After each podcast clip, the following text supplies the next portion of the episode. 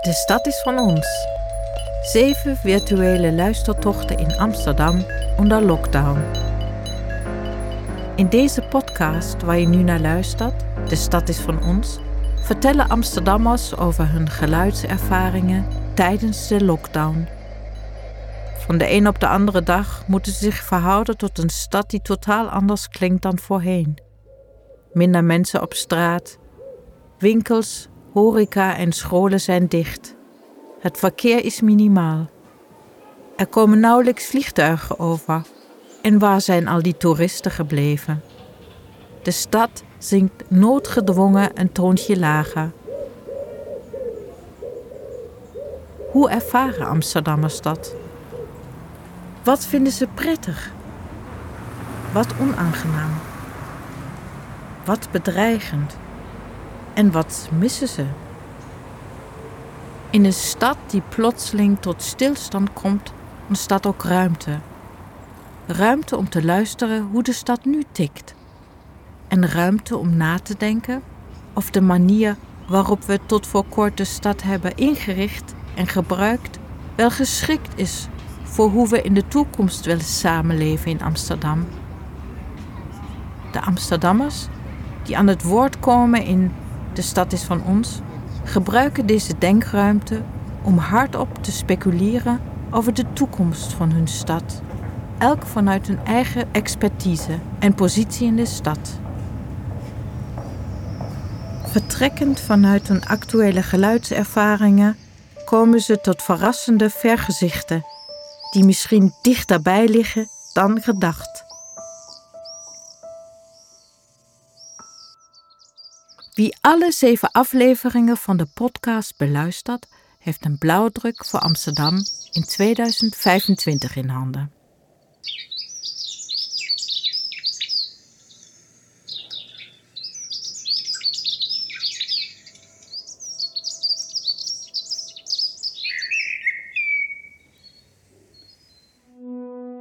De groene stad. Een stad kan niet alleen bestaan uit baksteen, glas en beton. Er is ook groene ruimte nodig. Hoe nodig? Corona was voor veel mensen een eye-opener. Tijdens de coronacrisis wordt de publieke ruimte intensiever gebruikt dan ooit. De hele dag thuis zitten of werken is op den duur niet uit te houden. Dus gaan we naar buiten en verkennen al wandelend de stad om ons heen. We merken dat de stad zoals die nu is, daar niet op is ingericht. We dwalen door een spookstad die voornamelijk is ingericht om snel van A naar B te komen en om te consumeren. Maar we mogen nergens naartoe en de meeste winkels zijn gesloten. We ergeren ons aan de overmaat aan asfalt en steen en het gebrek aan groen en natuur. Te weinig bankjes, te weinig bomen, smalle trottoirs, veel plek voor auto's. Veel stad ervaren we als onherbergzaam, niet als het toevluchtsoord dat het zou kunnen zijn. Is er wel voldoende groen in onze stad? Hoe klinkt een groene stad? Wat voor relatie hebben stedelingen met stadsnatuur? Kan de publieke ruimte worden veranderd in een groen toevluchtsoord? Daarover ga ik in deze aflevering van De Stad is van ons in gesprek met Ida en Manu. Het is augustus 2020. We zijn in het Safati Park, een van de weinige stadsparken in het centrum van Amsterdam. Voor veel bewoners een oase.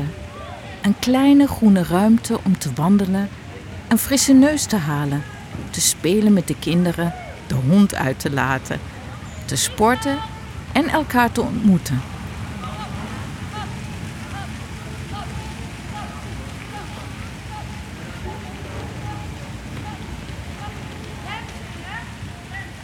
Hier ontmoeten we Ida Valk.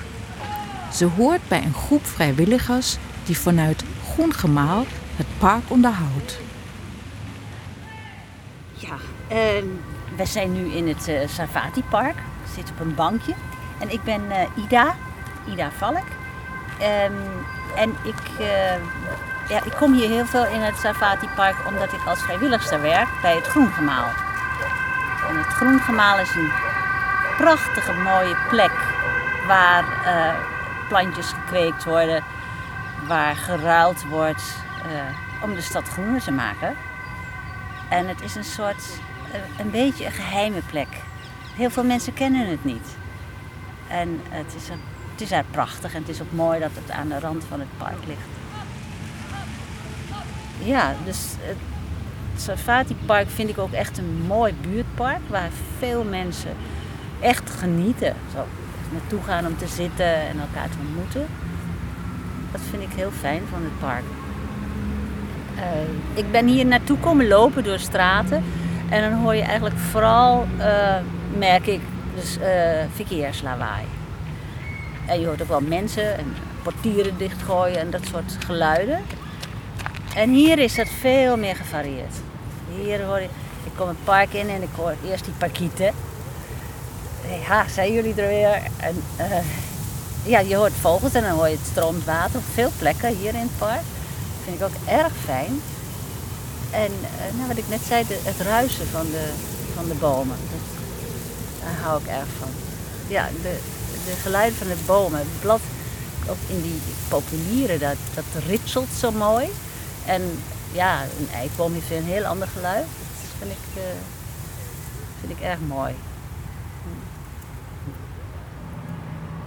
Ja, je moet, er zo, je moet er soms echt bij stilstaan. Hè? En dat doe je in een park makkelijker. als er iemand voorbij loopt, dan hoor je dat knerpen van het grind. Je hoort even een stemgeluid. Ja, dat, dat alles samen, dat is een levendigheid van het park.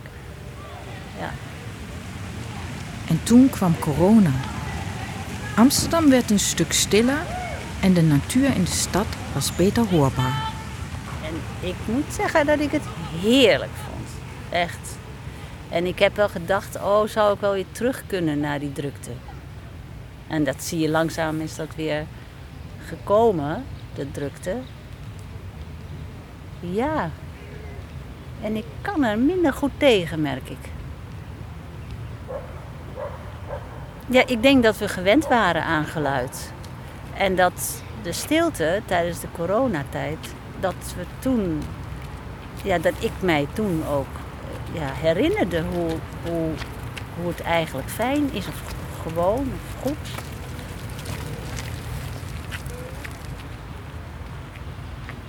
Dat denk ik, en, en ik weet niet of ik mij wel weer aan kan en wil passen. Aan die herrie, aan die en het is vooral verkeer, denk ik, toch waar ik het meeste uh, ja, last van heb. Maar het is wel een mooie ontdekking, vind ik. Dat we, dat we ons aangepast hebben aan herrie. En dat dat niet een natuurlijke staat is. Dat vind ik wel een mooi inzicht. Daar ben ik wel blij mee. Ja.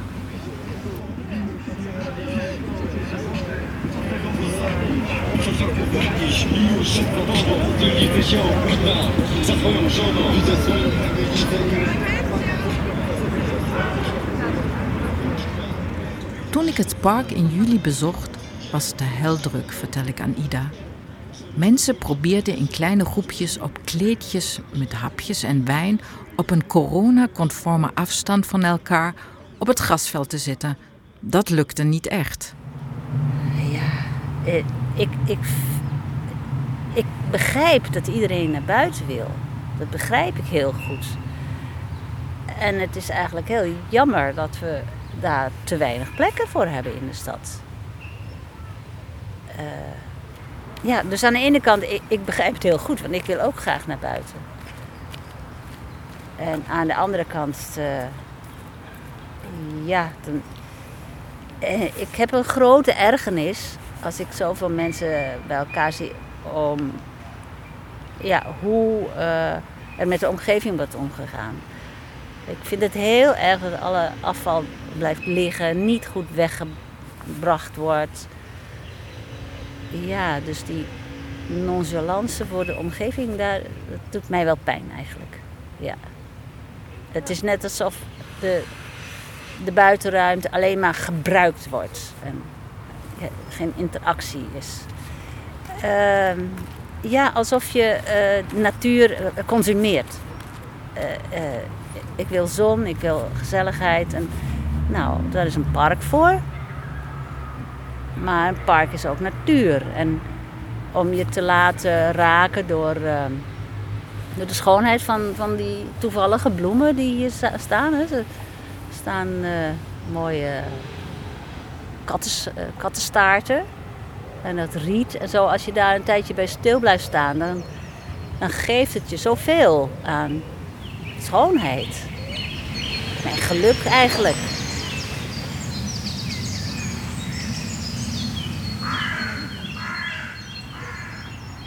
mijn ideale stad. Ja, dat is eh, veel, uh, veel natuur in de stad, veel groen. Uh, dat maakt dat er dus meer diertjes zijn, dat er meer vogels. En ja, dus ja, meer natuur in de stad. Dat, tegels eruit en groen erin, zou ik zeggen. en eh, en, en minder auto's, dat heb ik al gezegd. Minder verkeer.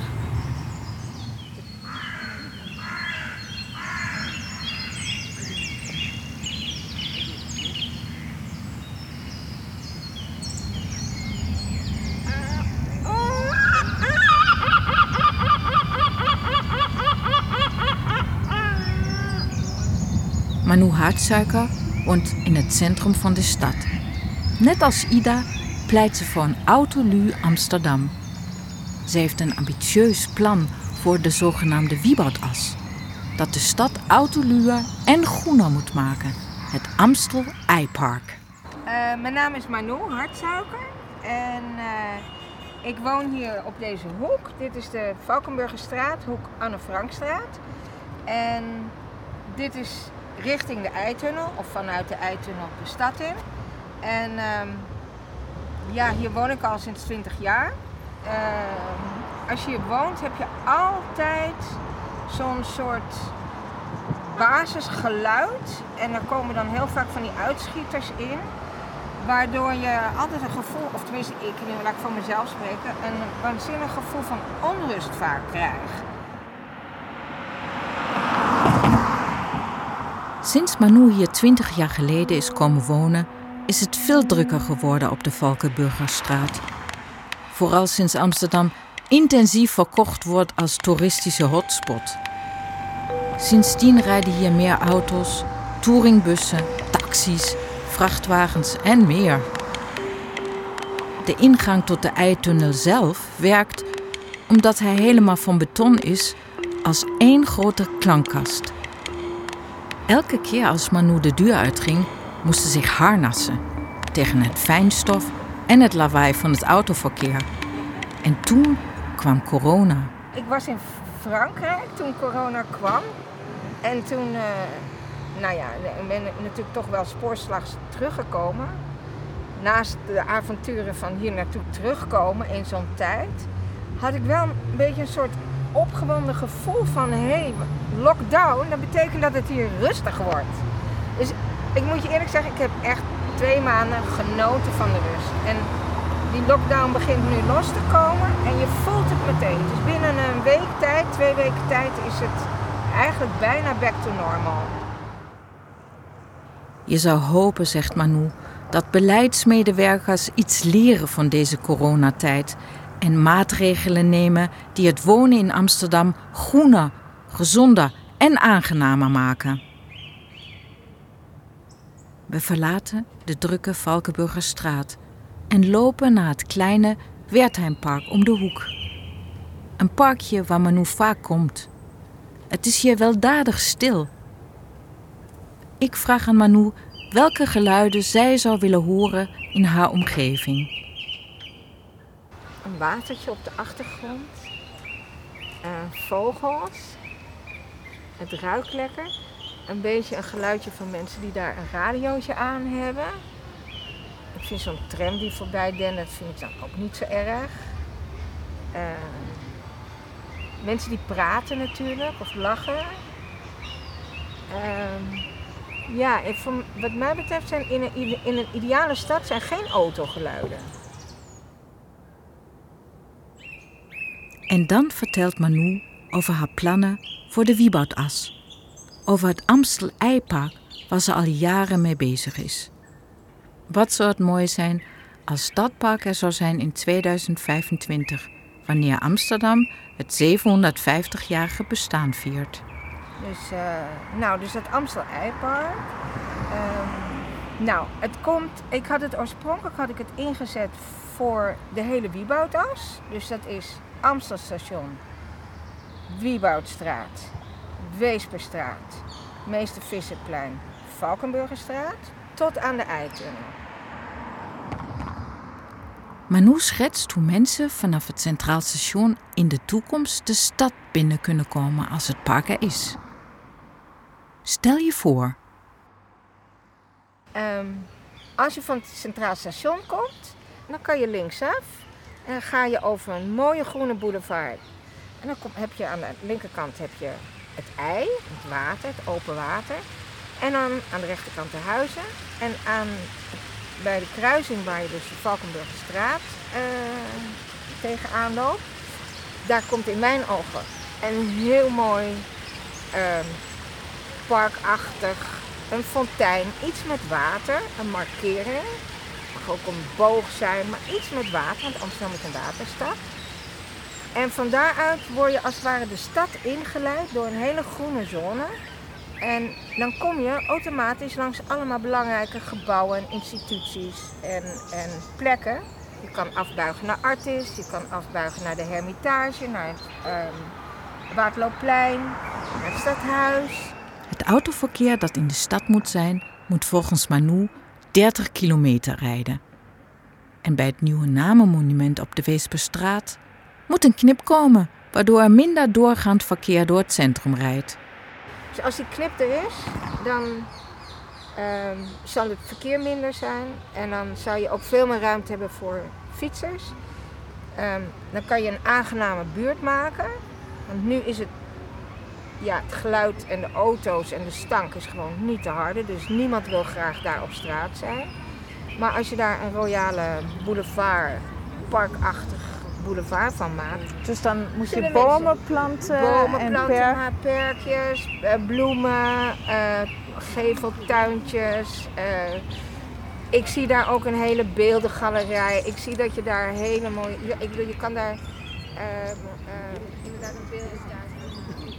Het geluid van vogels, van wind in de bomen, van pratende mensen, van een watertje op de achtergrond en weinig verkeersgeluiden. Zo zou de groene stad van Ida en Manu moeten klinken. In de pandemie werden steeds meer mensen zich ervan bewust hoe groot hun behoefte is aan een groenere stad. Een stad die naast de noodzakelijke drukte ook groene verblijfsplaatsen heeft, waar je tot rust kan komen en natuur kan horen. Beide horen bij de groene stad van de toekomst. In de volgende aflevering luisteren we naar de bewegende stad. Wat doen mensen als de sportscholen, cafés, restaurants, theaters en musea langdurig dicht zijn? Hoe komen sporters aan de nodige beweging? Wat doen Amsterdammers als ze hun dagelijkse kopje koffie niet meer kunnen drinken in het buurtcafé en elkaar niet meer kunnen ontmoeten? Ze gaan de straat op, joggen en wandelen en luisteren naar een stad die heel anders klinkt dan ze gewend zijn.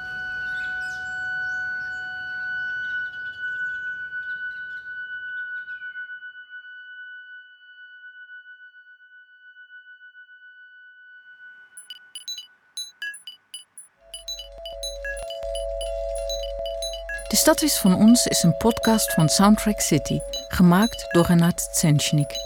Jingle, montage en sounddesign, aflevering 2 en 6, Anne Welmer. Evelien van den Broek deed montage en sounddesign voor de andere vijf afleveringen.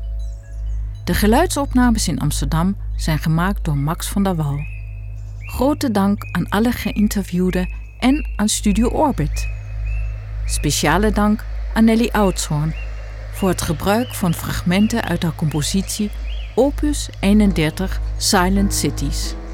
De Stad is van ons is een productie van Soundtrack City en financieel mogelijk gemaakt door Amsterdams Fonds voor de Kunst en het Prins Bernhard Cultuurfonds.